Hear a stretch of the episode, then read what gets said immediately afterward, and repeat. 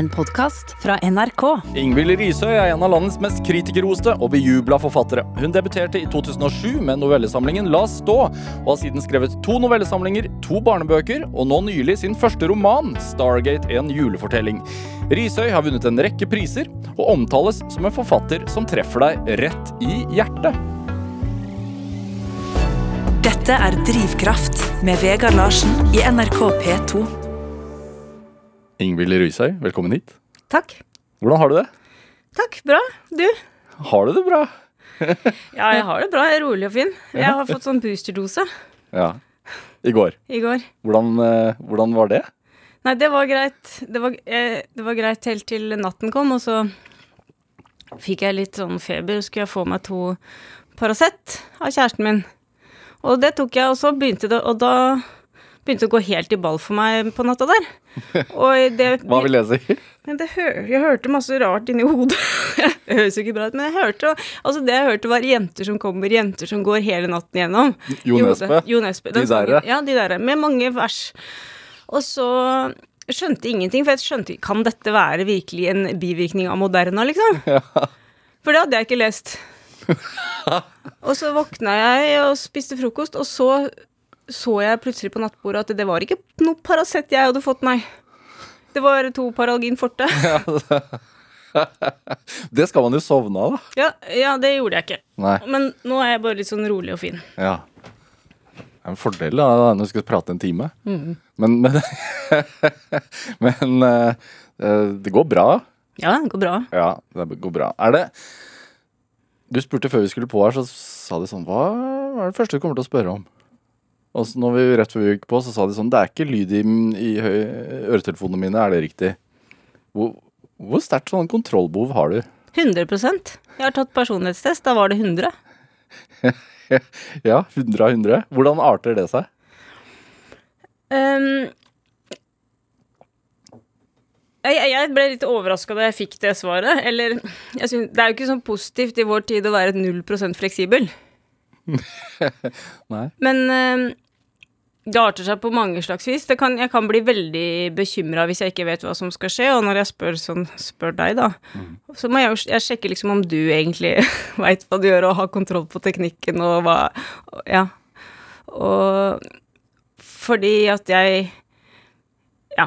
Og så- vil jeg, eh, når det gjelder yrket, da, å skrive, så, så, det, så tenker jeg at det bare er fint å ha sånn ønske om kontroll, for det, det bestemmer jeg jo helt over sjøl. Men når det involverer andre folk, så er det jo kanskje mer, da er det slitsomt, da. Men som for andre. forfatter så gir du jo fra deg teksten. Mm. Men ikke før jeg eh, har kontroll på den. Nei. Mm. Hva hvis du får Altså, men det, er det trygt å gi den fra seg, da? Ja, Ja. det er det. Ja. Altså, jeg er veldig spent på mottagelse hver gang. Veldig. Ja, men sånn fra redaktørens side og Ja, det er jeg også spent på. Ja. Men, eh, men det, er det er jo jeg som bestemmer, Mm. og det liker jeg. Det liker jeg veldig godt med det yrket. At jeg ikke har noen sjef. Ja, sant. Og de få gangene jeg har hatt sjef, så har ikke det gått så bra. Altså når du har jobbet som journalist, eksempel. Jeg har jobbet som journalist eller i andre Jeg har hatt mange forskjellige yrker, men eh, da kan man jo ikke ha den fulle kontrollen når man jobber eh, i f.eks. en stor avis, da. Men hvordan arter det seg i hverdagslivet, da? Kontrollbehovet. Ja. Eh, jeg, jeg, jeg sjekker veldig mye. Jeg, jeg liker å smårydde og legge ting på plass hele tiden. Jeg liker veldig godt å sjekke yr, hva slags vær det skal bli, for å finne de riktige klærne til hele familien og sånn. Flere dager i forveien, eller? Nei, kan, kan alltid sjekke yr. eh, hva mer med kontroll Men har du faste, har du faste plasser på ting? Faste plasser, ja. Ja. Alt har sin plass. Ja.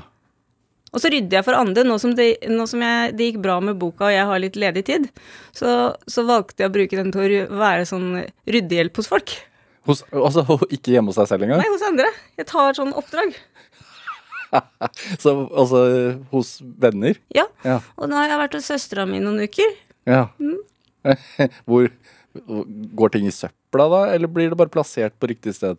Eh, det blir det, det er sortert, først sortert, så levert der det skal, hvis det skal ut. Ja. Og så lagt til riktig sted. Og da skal det liksom Da er det veldig viktig med sånn eh, nær... Hva heter sånn når mat er sånn nær produsert. Ja. Altså liksom, jeg prøver å få henne til å forstå at det som skal brukes på badet, må være på badet. Ja. Er det, er det tilfredsstillende når det er der det skal være? Ja, Altså, det er det. Ja. Det høres jo ikke så bra ut, dette her, men det er sånn, jeg blir skikkelig fornøyd når alt er der det skal være, og det gjelder tekst òg. Jo, men hvorfor skal man omfavne rot, tenker jeg. Mm. Nei, man skal, trenger jo ikke omfavne, man bør jo tåle det, da. Ja. For det er jo rot, liksom, her i verden. Og det er andre folk der Er som roter fælt. men må du, før du setter deg ned og skal skrive, hjem, skriver du hjemme? Mm. Jeg skriver forskjellige steder, men ja. Ja. Så du har ikke en fast skrivepult, liksom? Eh, jo, nei, nei, eller jeg har det òg, men jeg sitter mange andre steder òg. Liksom, noen ganger har jeg gått opp i, til Trollvannstua, som er sånn eh, markastue, noen ganger. Oh, ja. Som du har leid? Nei da, nei, det er et sånt sted hvor um, Det er sånn som man kan gå og kjøpe seg en vaffel. Oh, ja. Og sitter der? Ja. Eller på hytta, eller ja, på Hvorfor- mange steder. Hvorfor er det et fint sted å skrive?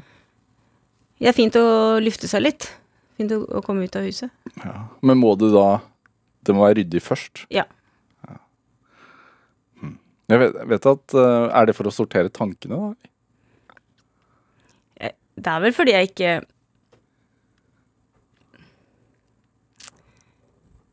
Jeg veit egentlig ikke. Jeg, jeg tror det er litt at, at At selve skriveprosessen, den er helt utenfor min kontroll på et vis. Å finne på en historie. Det, jeg vet aldri hva det skal bli, og det er da det blir bra òg, hvis jeg ikke vet hva det skal bli. Da kommer det tanker og ting som, som jeg ikke aner hva er. Og det, og det er eh, Jeg sitter som en det minner meg om å være barn og, og leke sånn rollelek, at jeg er en annen for en stund, og sitter jeg bare og noterer alt som jeg, jeg tenker. Sånn som i denne boka, så inni hodet mitt er jeg ti år når jeg skriver det. Hvor, hva begynte det altså, hva, hva var det første du noterte ned? Jeg, det var noe om noen trær som slo rot, som ikke er med i boka lenger. Men ja, noen juletrær. Dette, den handler jo my- mye om juletrær, den boka. Men det var en stemme. Det er det alltid. En stemme som, som er en forteller, som ikke er meg. Og så, og så skriver jeg med den stemmen i hodet, så noterer jeg kjempefort. Jeg er kjempebra på touch-metoden. Så jeg skriver bare alt jeg tenker. Var det Ronja, da, som er hovedpersonen i boka, som, som pratet i hodet ditt? Ja. Hva sa hun, da? Det, jeg husker ikke hva det første var. Fordi at det jeg skriver, er bare et sånt ras. Og det ligner ikke på hvordan den ferdige boka blir. Og i en lang stund er jeg i en sånn fase hvor jeg bare produserer råstoff på den måten. Og da er det viktig for meg å ikke prøve Ikke tenke at det skal bli bra, og ikke tenke at det skal bli ditt eller datt eller morsomt eller klasselitteratur eller bestselger eller ingenting. Liksom ingen krav på det. For det er da For det er da det blir best. Og det er det jeg vil. Jeg vil at det skal bli en bra bok. Så det har jeg lært da, etter å ha skrevet Jeg har skrevet annerledes før. Med annen type prosess. Med disposisjon, f.eks. Hvor jeg har sittet og fylt inn i noe som jeg tenker på forhånd Dette er en godt komponert et godt komponert plott, da. Mm, altså at du la, har en sånn forhånds... Altså, Veit hvordan dramaturgien skal bli, og fyller inn, liksom? Ja. Det har jeg gjort før. Det har ikke blitt like bra. Nei, for det er, det, er det ikke sånn man lærer altså, Hvis man går på skrivekurs, så er det sånn man skal skrive, er det ikke det? Jeg, jeg vet ikke. Det for, sånn i hvert fall var det på skolen. Ja. At vi lærte å skrive sånn. Uh, og jeg har skrevet en del som har skrevet sånn, og det er jo for så vidt Siden jeg har sånn behov for kontroll, så var jo det litt tilfredsstillende å sitte der med masse skjemaer på veggen hvor det er bare fyll inn der, fyll inn der, fyll inn der, men det var dritkjedelig. For det var, det var jo ikke å gi slipp på i det hele tatt, det var ikke å fantasere, det var å konstruere Ja. scener. Så etter hvert så har jeg mer og mer gått til denne metoden hvor jeg sitter og skiller råstoffprosessen helt fra redigeringsprosessen. Og i den råstoffprosessen så har jeg ingen kontroll. Um, og jeg har jo for så vidt heller ingen kontroll på mottagelsen av boka når den er ferdig. Eller, eller eh, det er mye med dette yrket som ikke harmonerer med full kontroll. Ikke sant? Om det, om det er noe eh, penger eh, om et år eller om tre år, ikke sant? eller om anmelderne sier ditt eller datt. Så sånn sett så tenker jeg at det, det der med å ha det veldig ryddig rundt, det er kanskje en slags sånn eh, kompensasjon, da. Det er, en del ting går det an å ha kontroll på, dette yrket går det ikke an å ha kontroll på. Nei. For meg. Er det når du sitter og uh, skriver ned uh, alt som faller i hodet på deg i starten Stemmen til Ronja, da, som uh, hovedpersonen i, i, Stargate heter. Hvor levende blir hun? Eh, Jeg veit godt at hun ikke fins, og at hun ikke er meg. Ja. Ja. Og jeg er eh, Det blir så levende Husker du hvordan det var å leke rolleleka? ja. Ja, så levende. Ja. Du er en annen for en liten stund, men du veit godt at det ikke er deg. Du, du er ikke lei deg selv om du spiller at du er lei deg. Eller redd, eller Og du veit godt at kompisen din ikke er faren din, liksom. ja. Noen ganger så kunne den rolleleken bli så intens at man trodde på det, nesten. da. Mm, og da er det skummelt. For eksempel hvis du drev med sånn spiritisme da du var ungdom, eller sånn. Hvis det plutselig er sånn at men dette er kanskje sant på ordentlig. Men sånn er det ikke for meg. Jeg veit, vet hvilken verden jeg er i, sånn stort sett. Ja. Hva er det som er veien videre fra liksom de første Altså, Hvor mye skriver du da? Er det da fire ark? Er det, kan det være 15? Altså Ja, altså, nei, det er, det er eh, 200 Ja. ja, sider. Og så, etter en stund, noen uker eller måneder eller sånn, i den, i den fasen, med et motto som heter 'don't look back'. At jeg ikke prøver å lese Jeg vil ikke lese oppover, jeg vil ikke sjekke om det er noe bra heller. For da blir jeg kritisk med en gang. Altså du lar det bare ligge? Jeg bare skriver videre, ja. og Ikke ser oppover i dokumentet på skjermen. Så er, er det sånn at etter en stund føler jeg at her er det en eller annen historie inni der. Men veldig mye av det jeg har skrevet da, har jeg jo glemt. For det er bare skrevet i et sånt øyeblikk. Og i full fart. Men da, når jeg får den følelsen at nå er det kanskje en historie inni her, så tar jeg en print av hele dette kjempedokumentet. Mhm. Og så legger jeg det utover gulvet. Og så går jeg og ser, og etter biter som har noe trøkk av et eller annet slag. Hva vil det si? Nei, det er umulig å si. For jeg hater egentlig når folk sier sånn Ja, det er, det er litterært, eller det har en stemme eller en nerve eller nødvendighet eller sånn. Men det er Det er det, da. men for, altså, det gir jo ikke mening, og særlig ikke hvis du som skriver får en beskjed at nei, men det, er ikke noe nødvendighet her i det du skriver. Hva skal du gjøre med det? Det nytter ikke å bruke de orda. De er helt uanvendbare. Men jeg går i hvert fall rundt og ser etter noe som jeg ser at det er bra. Og jeg ser jo at det er bra fordi at jeg har lest masse opp igjennom og skrevet masse, og jeg kan kjenne igjen bra fra dårlig. Og mest er dårlig. Og det kaster jeg. Og så begynner jeg å komponere de bitene som er bra. Da prøver jeg å lage en um, da, da prøver jeg etter hvert å lage en historie med en dramaturgi ut av de bitene som er bra. Og da sitter jeg med eh, klipper med saks og legger de bitene etter hverandre. Og bytter om på rekkefølge og teiper dem sammen med teip på nytt. Så du får e- ett langt ark? Jeg, så teiper jeg det inn i en bok, en stor bok, der det henger masse teip og ark rundt ut av den. Og da er det en helt ny historie som jeg må skrive helt på nytt. Altså, da skriver jeg det på nytt, det som jeg har der. Eller så, ja. Og- da er den også fortsatt altfor lang, men da begynner det å bli en historie som er leselig.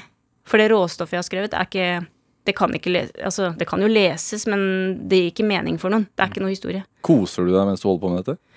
Jeg koser meg med den råstoffasen, og så koser jeg meg eh, litt med denne redigering, eller den klippinga og saksen og teipen min og, og sånt. Og krabbe rundt og teipe liker jeg. Jeg har alltid likt å teipe. Men, men det som jeg ikke koser meg med, er når jeg da begynner å se på det litt sånn ordentlig. Fordi jeg prøver i den fasen å ikke se på det så veldig nært, for det er jo ikke bra ennå. Så jeg prøver å se på det litt sånn fjernt, men på et tidspunkt så må man jo Må jeg eh, begynne å jobbe ordentlig med det, og da ser jeg alt det som virkelig ikke fungerer, og vet ikke alltid hva jeg skal gjøre med det, og da koser jeg ikke meg. Så, og det er jo den lengste fasen med skriveprosessen, hvor jeg sitter og redigerer og flytter og sier at den dialogen er bare ikke bra. Hva, hva er det med denne personen her som ikke fungerer i det hele tatt? Eller hva, hvorfor, er, hvorfor skjønner jeg ikke Hvorfor skjønner jeg ikke hva jeg skal gjøre med slutten? Hvorfor er det ikke noe slutt? Sant? Og den, det liker jeg ikke, for jeg liker ikke å se på dårlig tekst. Er du kritisk mot deg selv? Eh, på skriving, ja. Ja. Mm. Har, Jeg vil liksom. være det òg. Ja. Jeg vil skrive så bra som jeg kan, og uten, litt, uten å være kritisk til teksten, så blir det jo ikke så bra som jeg kan. Ja. Så det, det er en del forfattere som sier at de setter seg ned og så skriver de fra A til Å, nesten. Men det er virkelig ikke en prosess som du gjør. Nei, jeg har snakka med noen som gjør det sånn. Jeg forstår ikke det. Det, en helt, det må være en helt annen måte å tenke på. Ja. Fordi de sitter og venter på neste setning, og vet på en måte når de har skrevet den, at den er riktig. Det har jeg hørt flere. Kyrre Andresen har sagt det, og Per Pettersen har jeg hørt oss si det. Og jeg, jeg, jeg skjønner ikke åssen det går an. Da ligger jo liksom historien der klart foran dem, da. Det gjør den ikke for meg. Nei. Og så med denne eh, ideen da, til Stargate, en julefortelling. Hvor ofte har du vært på Stargate? Baren i Oslo? Eh, Jeg har, jeg har vært der litt i ungdommen. Ja. Er det? Hvordan starter eh, så kom navnet seint eller Ja. tidlig? Det navnet kom seint. Ja. Uh, Men jeg visste at pappaen i boka skulle gå på Stargate. Uh, En legendarisk, egentlig, en legendarisk Oslo-pub da, som er eh, under brua nede på. Grønland torg i, i Oslo. Ja, det er på en måte nesten under trafikkmaskinen. Ja. Og så er det Har i hvert fall vært Oslos billigste øl. ja. Så sliter de litt med skjenkebevilgningen. Den er til og fra. Men, men Jeg visste at han pappaen skulle drikke der, ja. ja.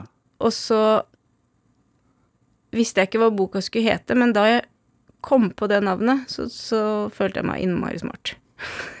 For det er jo en julefortelling, og jula handler jo mye om en stjerne. Og så er det også en fortelling om hvordan de jentene bruker sin fantasi når pappaen drikker, til å komme seg til et annet sted. Og det med en gate, eller en portal, det er jo veldig vanlig for barn å drive og tenke at de Det husker du sikkert også, at du går gjennom en portal og kommer til en ny verden. Mm. Ja.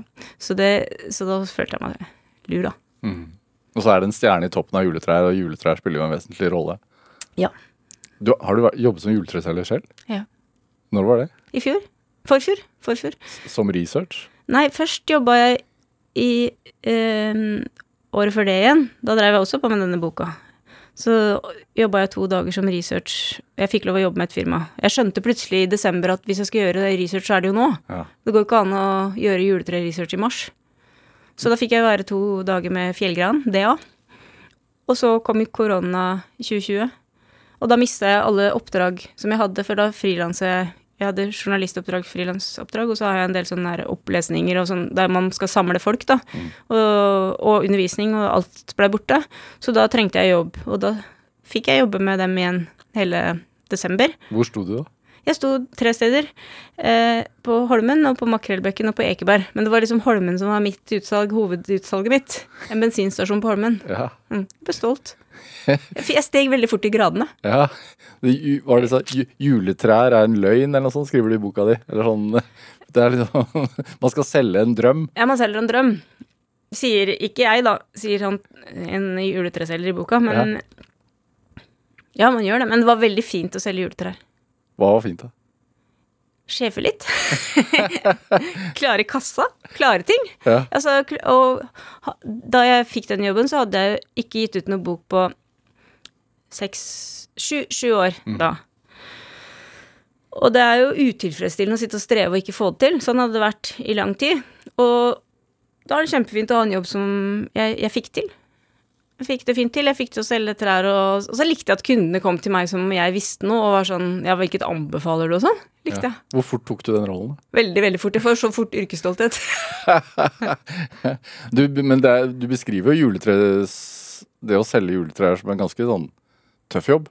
Ja, og det er det. Det er jo fysisk, og så er det vått og kaldt. Men jeg likte det. Altså, Men for en måned, liksom, så går jo det fint an å ha. Men hvis du bare skal jobbe sånn, så tror jeg det er veldig slitsomt. Jeg tenker noen Altså når man er kritiker hos forfatter, sånn som du er, eh, både inn- og utland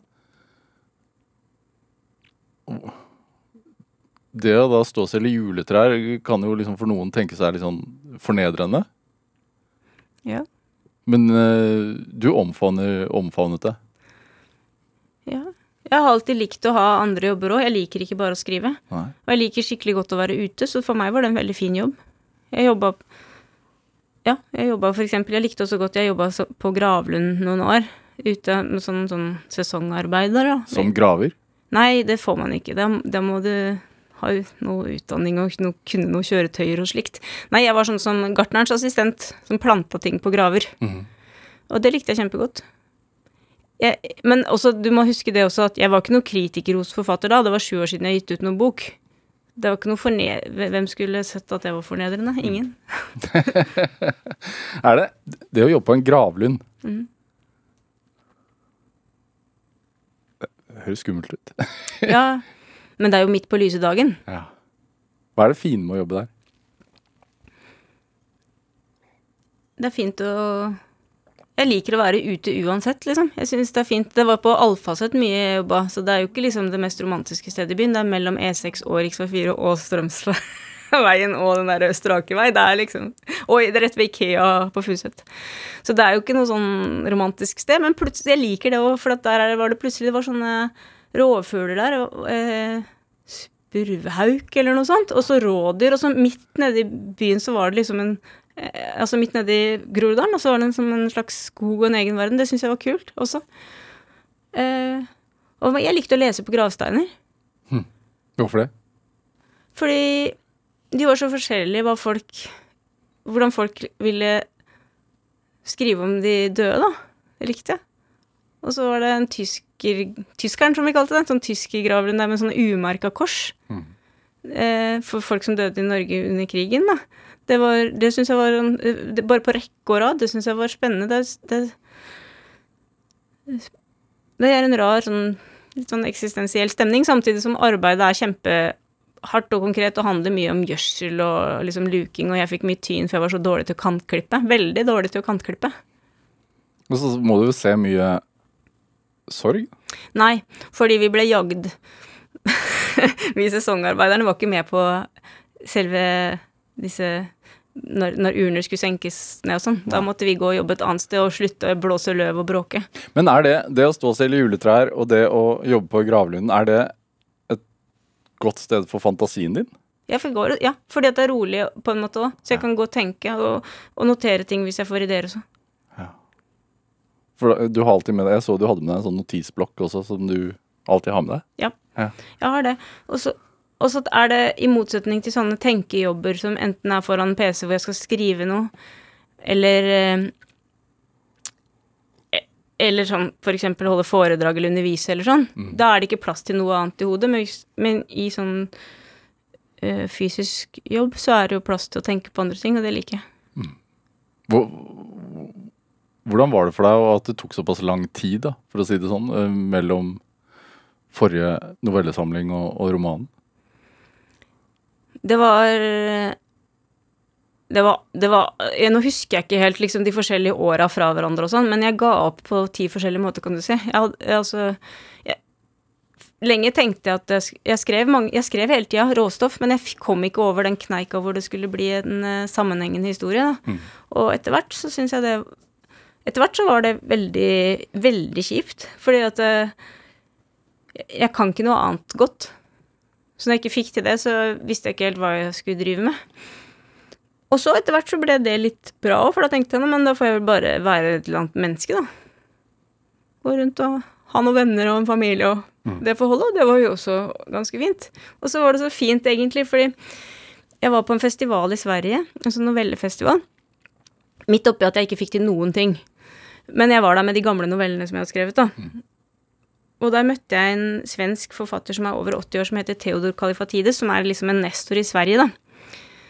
Um, og så satt vi og snakka om det å ikke få til skrivinga, og han hadde skrevet en, en veldig fin bok nettopp om som heter eh, Et annet liv, tror jeg den heter. Om å, om å få det til igjen. Han hadde ikke fått det til, og så fått det til igjen.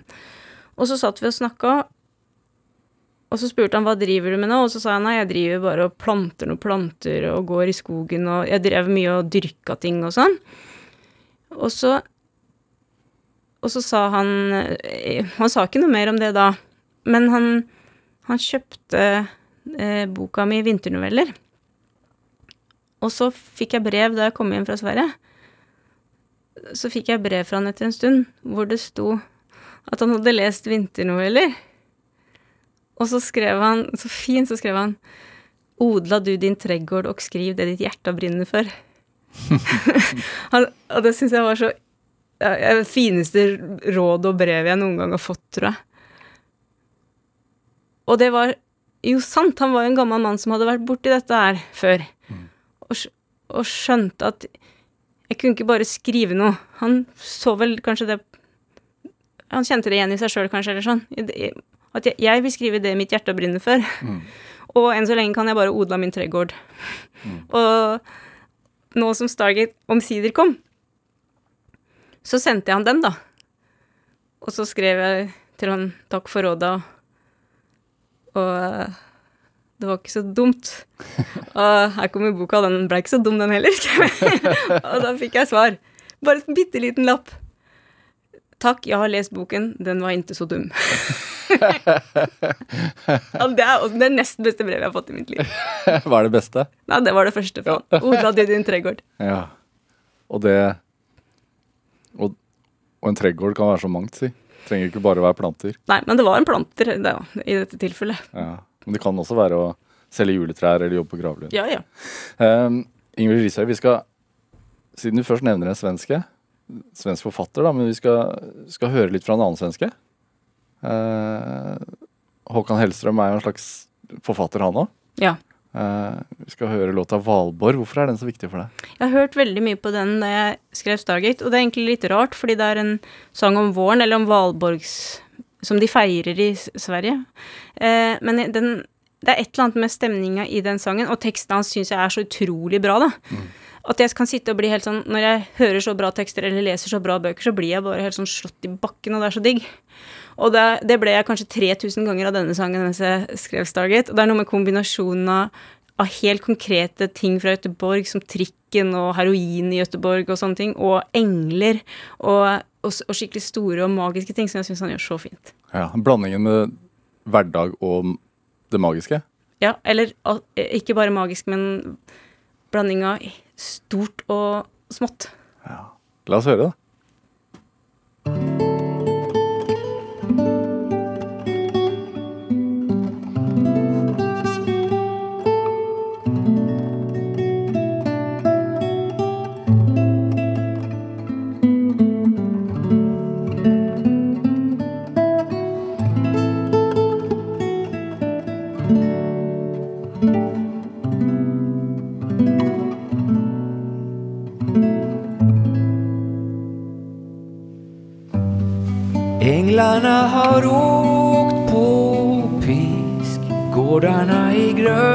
Grönsvarta Och i Azalea kan man inte undgå att bli kär.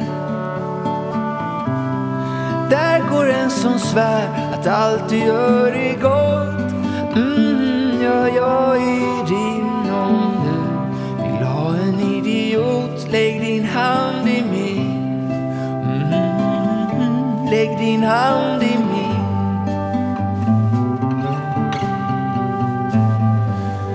Har ingen plats att kalla I detta pissiga vårregn Ett förortsgäng kapar en spårvagn hem I vårkvällen Provsmakar livets heroin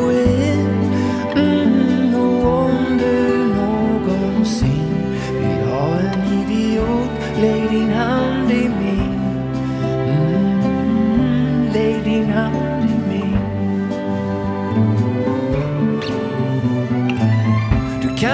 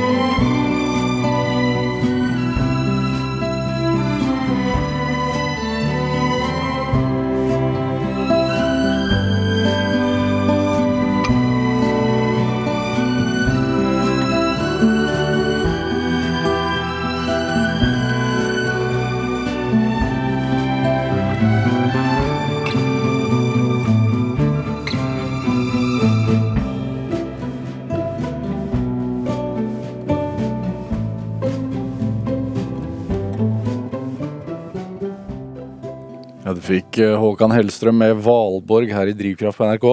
P2 valgt av dagens gjest her i Drivkraft, nemlig forfatter Ingvild Risøy. Er du følsom? ja. Veldig følsom? Ja. Hvordan, hvordan arter det seg? Jeg har bare, jeg har bare veldig mye følelser hele tida. Eh,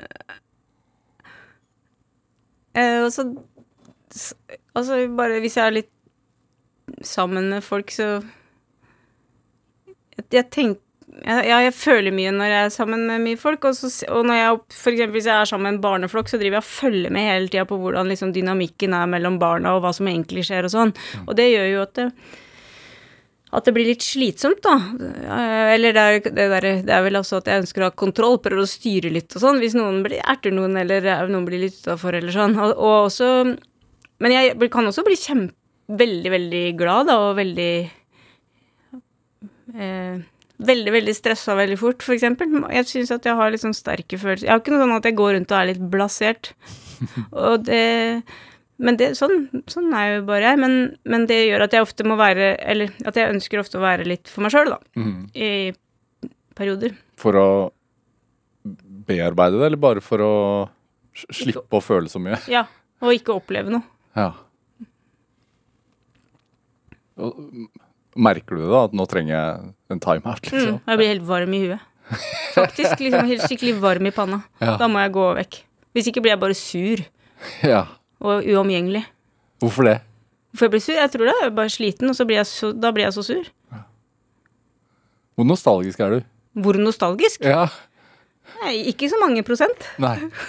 For, nei, for jeg leser liksom nostalgi i, i novellene dine og også i romanen din. Du tenker på sånn å savne fortiden? Ja, ikke, ikke nødvendigvis savne den, men mer sånn Evnen til å, til å gå tilbake i minner som du har hatt, og, og, og skrive de veldig nære og ekte. Ja, eh, jeg jeg, jeg er ikke så nostalgisk, for det er ikke sånn at jeg ønsker meg tilbake til noen ting, egentlig. Men, men eh, jeg husker kjempegodt. Ja. Så jeg har eh, mange minner, og, så, og det husker masse ting som ikke bare gjelder meg. Og det brifer jeg mye med med vennene mine. At jeg liksom kan si til noen sånn Ja, dette sa du i barnehagen, så ikke prøv deg, liksom. Og det er sant, jeg gjør det. Jeg har en venninne som jeg gikk i barnehagen med, som jeg hele tida kan komme sånne historier om barnehagen til. Altså, jeg husker samlingsstund i 82, liksom. Ja.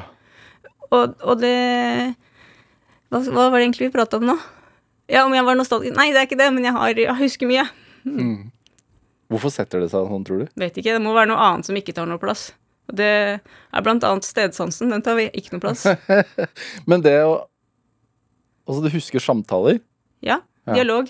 Altså, jeg, det viser seg etterpå at jeg ikke husker helt riktig, fordi jeg kan for, når jeg har gjort intervjuer og transkribert tape, da, så har jeg vært noen ganger helt sikker på at da jeg jobba som journalist, da, så har jeg vært helt sikker på at det sa han på den og den måten, og så ser jeg at nei, hva sa det ikke på akkurat den og den måten? Så, sånn som alle andre så forandrer liksom minner seg litt i hodet.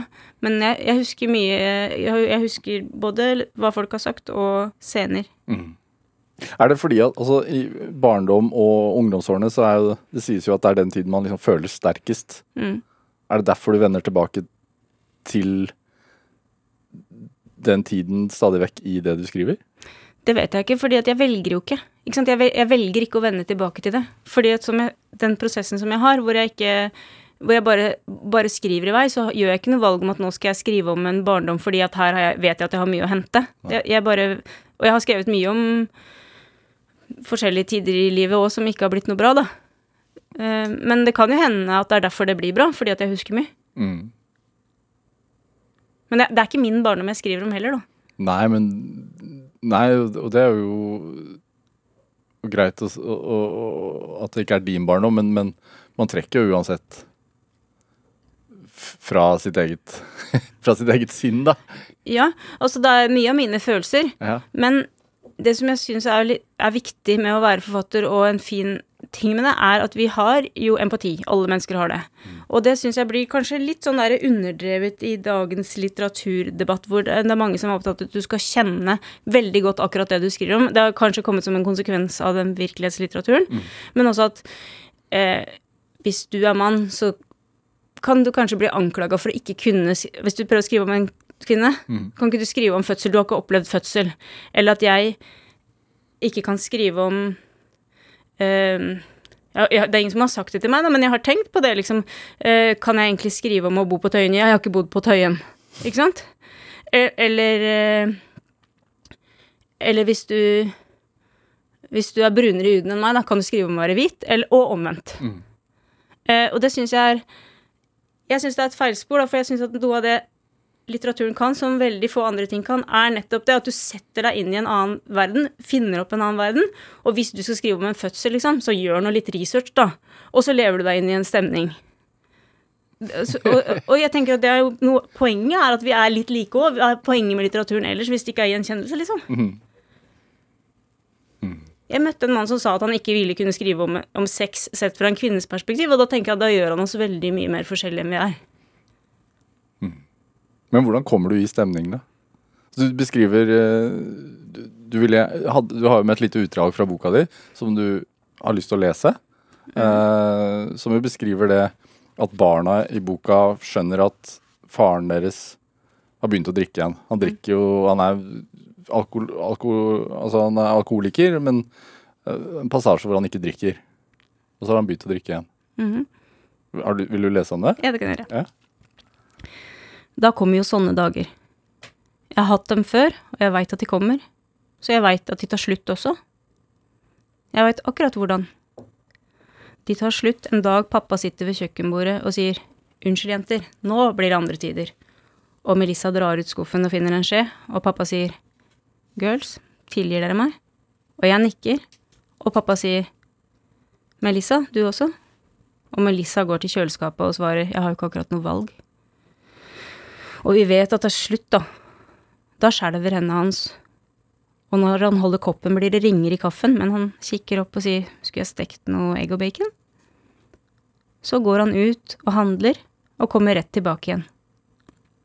Da blir dagene lyse, og nettene svarte og stille, og så blir det brødskiver, og så blir det regninger i fine bunker, og ost og egg og bacon. Melissa måner sin, sier pappa da. Dette er siste gang, men tror du du kunne kommet hit litt? Tror du at du kunne ringt disse her for meg? Og Melissa sitter ved kjøkkenbordet og ringer rundt og sier forskjellige ting. Noen ganger sier hun den opprinnelige regningen har vi rett og slett ikke fått. Og noen ganger sier hun han ligger rett og slett her med dobbeltsidig lungebetennelse. Og en gang sa hun bare hei, hei, vi er to morløse barn og en alkoholiker gir oss to uker til, eller? Dette er Drivkraft med Vegard Larsen i NRK P2. Og i dag er forfatter Ingvild Risøy her hos meg i Drivkraft med NRK P2. Vi fikk akkurat uh, en liten snutt fra, fra romanen din 'Stargate', en julefortelling. Du beskriver det jo veldig uh, troverdig, veldig nært. Takk. Hvorfor er det Hvorfor ville du gi Hva skal man si De barna en stemme? Tenkte du på det? Nei, fordi at jeg, jeg, jeg har jo prøvd å skrive så mye annet og ikke fått det til, så dette var det jeg fikk til å skrive. Men når det nå vel ble ferdig, så tenker jeg at det er fint å skrive en bok om å være pårørende fra et barns perspektiv, for det, det fins ikke så mange bøker om I hvert fall ikke som jeg har sett, så mange bøker om det fra en jeg-forteller som er et barn. Det fins ganske mange bøker om å være rusavhengig, altså som er skrevet av den som er det, og som har slutta eller ikke har slutta. Og også en del om å være eh, kjæreste eller også foreldre. Men jeg, jeg har ikke sett så mange fra barns perspektiv, og det, det er jo kjempemange barn som opplever det. De fleste har jo en alkoholiker i familien. Altså, De fleste har ikke en pappa eller mamma som er det, men de fleste har en alkoholiker i familien. Jeg, jeg husker ikke hvor stor prosent det er av barn som vokser opp med rus, men det er mange. Og alkohol regnes jo liksom ikke helt som rus heller. Sånn at det er ikke alle som ser det som et uh, problem, men det er det. Har du fått tilbakemeldinger fra pårørende? Ja. Hva sier de da? Uh, de, sier, de sier at de kjenner seg igjen, og det er jeg glad for. Hvordan var du selv som barn? da? Fantasifull? Ja, veldig. Jeg, eh, og, og litt sånn Og jeg holdt meg jeg, jeg tror som lite barn så holdt jeg mye for meg sjøl. Og jeg, jeg vet at jeg møtte en som jobba i den barnehagen jeg, jeg gikk i, og da hadde jeg sagt til henne det er lov å kjede seg hvis man vil. Fordi jeg ville være litt for meg sjøl, da. Eh, og så var, hadde jeg en sånn eh, Jeg lekte mye med en rollelek med andre barn òg, men jeg, jeg hadde en sånn lek som jeg alltid lekte når jeg kom hjem fra barnehagen, som var at jeg eh, dikta, fant på en historie. Og da, fant, da sa jeg til mor og faren min om de kunne gi meg en bok, en voksenbok. For det måtte være uten bilder. Og så satte jeg meg inn på dette rom som vi hadde, og så bladde jeg den. Og så fant jeg på en historie. Men hvis de da hadde gjort en bommert og gitt meg en bok med bilder, så ble det helt feil, for da var det jo ikke riktig bilde når jeg kom til, det, til den siden. For da hadde jeg dikta en helt annen historie. Da mista du litt kontrollen. Ja, ja, ja, men det var jo feil. Illustratøren min gjorde jo feil. så jeg, jeg, drev, og- jeg drev og dikta helt fra jeg var eh, liten, egentlig. Modent barn? Modent? Det vet jeg ikke. Nei, det, det tror jeg ikke. Ikke spesielt. Men, men kanskje litt spesielt opptatt av eh, Altså litt mye inni en sånn fantasiverden. Men mange barn er det. Ja. Men du har blitt der, da. Ja, jeg har blitt der. Hvor, hvordan blir man det? Velger man det, eller bare er det sånn? Jeg visste fra jeg var barn at jeg ville det. Jeg husker jeg tenkte at jeg, jeg skjønte at det var forfatter var en jobb, så tenkte jeg at det var en jobb for meg. Så det, og så tror jeg det er en sånn um, selvforsterkende greie at hvis man gjør noe mye, eller som jeg gjorde da, jeg skrev, jeg begynte å skrive ganske tidlig, og så uh, likte jeg å skrive, og så leverte jeg ting på skolen som blei fint, da. Og så fikk jeg tilbakemelding på at det var al- Altså, jeg fikk skryt. Og da blir det jo sånn selvforsterkende at jeg er den som kan dette. Ikke sant? Så jeg veit ikke helt eh, hva som er eh, på en måte høna og egget oppi det, men, men eh, jeg er veldig glad for en ting, og det at jeg fikk holde på med det. Fordi at jeg fikk liksom sitte og lese masse på rommet og sitte og, og, og finne på disse greiene mine for meg sjøl, og det er litt sånn Det er jo litt sånn Det er, det er smalt. Og noen ganger syns jeg har sett at gutter får mer lov til sånne nerdeting enn jenter. Mens jenter er forventa å være mer eh, out and about. jeg var også litt out and about, altså, men, men, men, eh, men jeg er glad for at eh, moren og faren min så at dette trenger jeg, så dette lar vi henne drive på med. Hva drev de med, da? Mens jeg drev på med dette? Ja. Ja. De drev på å prate sammen Også. Nei, men sånn i oppveksten din, hva, Ja. hva gjorde de? Vi gjorde, vi gjorde masse forskjellig. Vi drev mye med sport for eksempel sammen. Vi var veldig mye på, lå på camping, i telt. Ja. Det var kanskje det vi var mest opptatt av i min familie. Og Reise på telttur? Camping, ja. Ja. Mm, Det bygde vi opp til hele året. Så lå vi to måneder i telt om sommeren. Hva jobbet de med, da? Eh, faren min var lærer, og, og han jobba også som frilans med bilder. Ja. Og mammaen min jobba i radio. Ja, NRK har skrevet også bøker. Ja. Så det, det, var, det var bokhylle i hjemmet, med andre ord. Ja, ja, og, det var, og de leste masse for meg. Og, og de var også noe som De fant på veldig masse. Altså, det var liksom sånn at i min familie var det ikke så nøye Så lenge det var en god anekdote, så var det ikke sånn veldig nøye hvor sann den var. Så det var, så det var masse sånne historier som de kom hjem og fortalte. Og også historier om slekta, liksom, sånn langt tilbake i tid. Sånne små muntlige anekdoter, og det liker jeg veldig godt ennå. Jeg bruker en del av de bøkene mine òg. At folk forteller en historie om juletresalg på, i Nittedal på 90-tallet, f.eks. Har du en familieanekdote som ikke er sann? Som ikke, ja, jeg kan ta en som jeg, jeg vet ikke om Jeg har to som jeg ikke kan tro at er sanne, noen av dem. Men som er liksom sånn vi forteller igjen og igjen. Den ene var noen i slekta til faren min som skulle hogge ved. En, to brødre. Og så var den ene sånn ertekrok. Så la han hånda si oppå vedkubben, og så sa broren 'flytt hånda'. Og så, sa, så bare rista han på hodet. Og så sa broren 'flytt hånda, ellers så hogger jeg'. Og så rista han på hodet en gang til. Og så sa han 'jeg sier fra for siste gang'. Og, og så rista han på hodet en gang til, og så hogde han med andre fingeren. Ja, det er en historie med en slags opplærende effekt, dette. Ja, men det liksom, kan det ha skjedd. Ja, det kan ha skjedd. Ja, det kan, ja, det kan ha skjedd. Men, og en annen var at eh, oldefaren min, han var sånn eh, rallar som bygde jernbanen. Og så kom han til et sted hvor han møtte en, en eh, jente som var så pen. Og så ble hun gravid. Og så viste det seg at hun var 13 år. Og så fikk hun et barn som var da eh, storebroren til morfaren min. Og, og siden den dagen så har ingen i familien fått lov å se hennes fødselspapirer for at det skulle skjules hvor gammel hun er, var. Og til og med på gravsteinen så står det ikke når hun var født. Men hun var veldig pen. Fordi vi har bilder av henne, så det er i hvert fall sant. Men jeg vet ikke det om at hun var 13 år.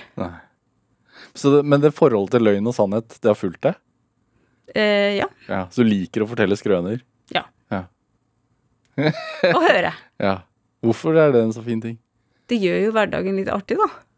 Er det sånn da at du gleder deg til å komme hjem eh, til barn og mann og fortelle en skrøne? Ja, ja det, er ikke, det er ikke sånn 100 skrøne, men det er en litt overdrevet historie om hva som skjedde på, på treningssenter eller T-banen eller, eller sånn, ja. Ja, det liker jeg. Ja. Så du, men du fikk Paragin forte i natt? Ja, det gjorde jeg. Ja. jeg måtte bare sjekke. Ja. Er det Det, det der med, med å, å, å skrive og, og skape hele personer Hvor god observatør er du? God.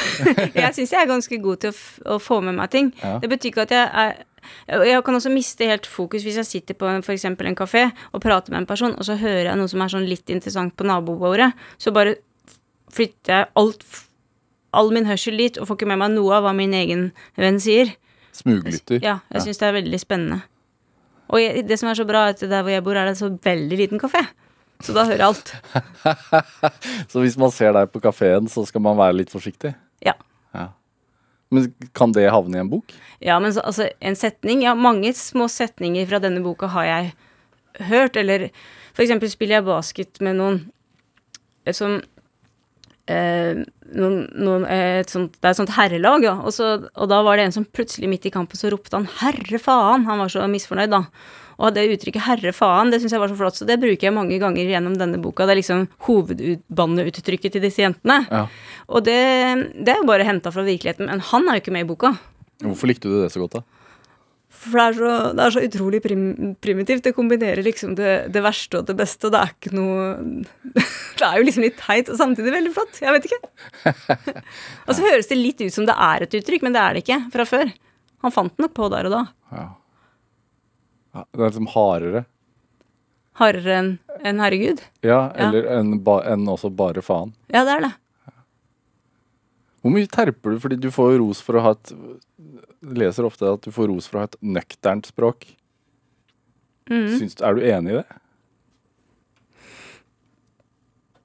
Ikke akkurat Eller nøkternt Jeg, jeg, jeg, tror, jeg syns ikke det er nøkternt, men jeg er veldig opptatt av at det skal være eh, klart. da, At du skal se for deg noe hele tida. Og du, jeg vil også ha kontroll på hva du ser for deg. Så hvis du ser for deg noe annet enn det jeg tenker, så føler jeg at det er jeg som har gjort feil. Og derfor, så når jeg har, jeg har masse lesere, den, særlig den siste boka, Stargate, har jeg hatt masse lesere, for det var så vanskelig å få ferdig. Og hvis de da sier 'dette skjønner jeg ikke', så, så og det ikke er meningen min at de ikke skal skjønne det, da, så må jeg endre det. Og det skjedde kjempemye. Med den særlig slutten på boka, hvor mange ikke skjønte den. Og da, måtte, da måtte jeg jobbe med det til de klarte å se det for seg og skjønne det. Så du er ikke sånn som en del andre forfattere som er sånn Det er opp til leseren å tolke? Jo, altså, de, du kan tolke hva du tenker at det betyr, hvis du tenker at det handler en, om å være pårørende, eller hvis du tenker at det handler om uh, kjærlighet. Altså, det er opp til deg. Men jeg vil vite hva du ser inni hodet ditt. Det er min jobb. Ja, det, det, vil, det er opp til meg. Veit at du har blitt veldig glad i altså Du nevnte det tidligere også. Planting. Ja. Og at det nærmest uh, er blitt en lidenskap. Ja. Det var at da jeg, da jeg ikke fikk til å skrive, så prøvde jeg litt ulike hobbies, da. Og det var den som passa best. Og det, det på en eller annen måte minner det meg om å skrive også. Men det, det er vanskelig å forklare hvorfor. Men man, at, sånn som jeg skriver, da, hvor jeg jobber med et rå, det råstoffet som er mitt, som jeg Som jeg Altså som kommer fra meg, og som er uredigert, og som, som er ekte. Jeg vil jo skrive noe som for meg føles ekte, i mangel av noe bedre ord.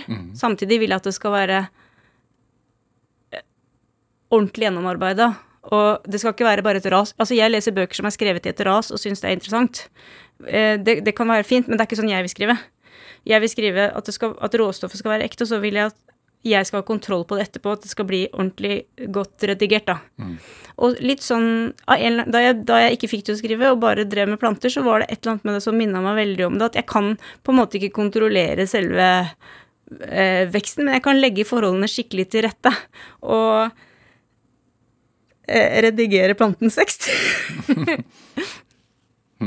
Hva, hva Det gir ikke mening. Jordsmonn og, og Flytte og flytte og, og sampla... Hva det kan plantes ved siden av for å fungere bedre sånn. ja.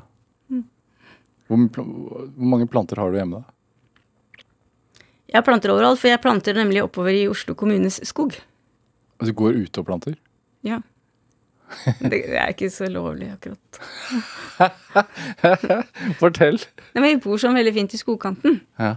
Hvor bor du? Mot Tonsenhagen. Ja. I utkanten av Oslo, i blokk der. Og så da er det litt Har sameie litt eiendom, og så begynner Oslo kommunes eiendom. Den er jo stor og fin. Nei, jeg planter ikke langt ut i skogen, altså. Der kan det få være det riktige artsmangfoldet som det skal være. ja. Men hvorfor gjør du dette her? For jeg liker det, og så har jeg jo ikke hage, da. Du tar for deg? Mm. Ja.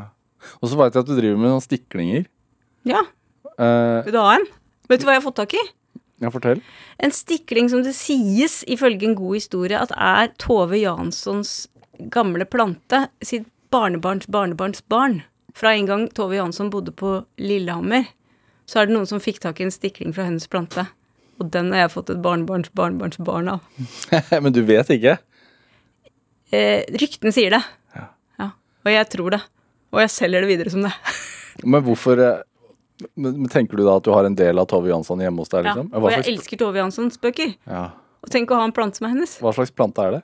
Det er en, heter en grønnrenner. Ligner på en liten palme. Ja. Hvor står den, da? Står i vinduet. Den er veldig liten. Så den står i vinduskarmen. Ja. Du kan ikke gi noe stikling fra den ennå? Nei da, men den skal få barn. Men det at det, fellestrekkene, altså du nevner det og, og, men Gir det ro også? Planting? Ja. Fordi de prater jo ikke. Det er fint.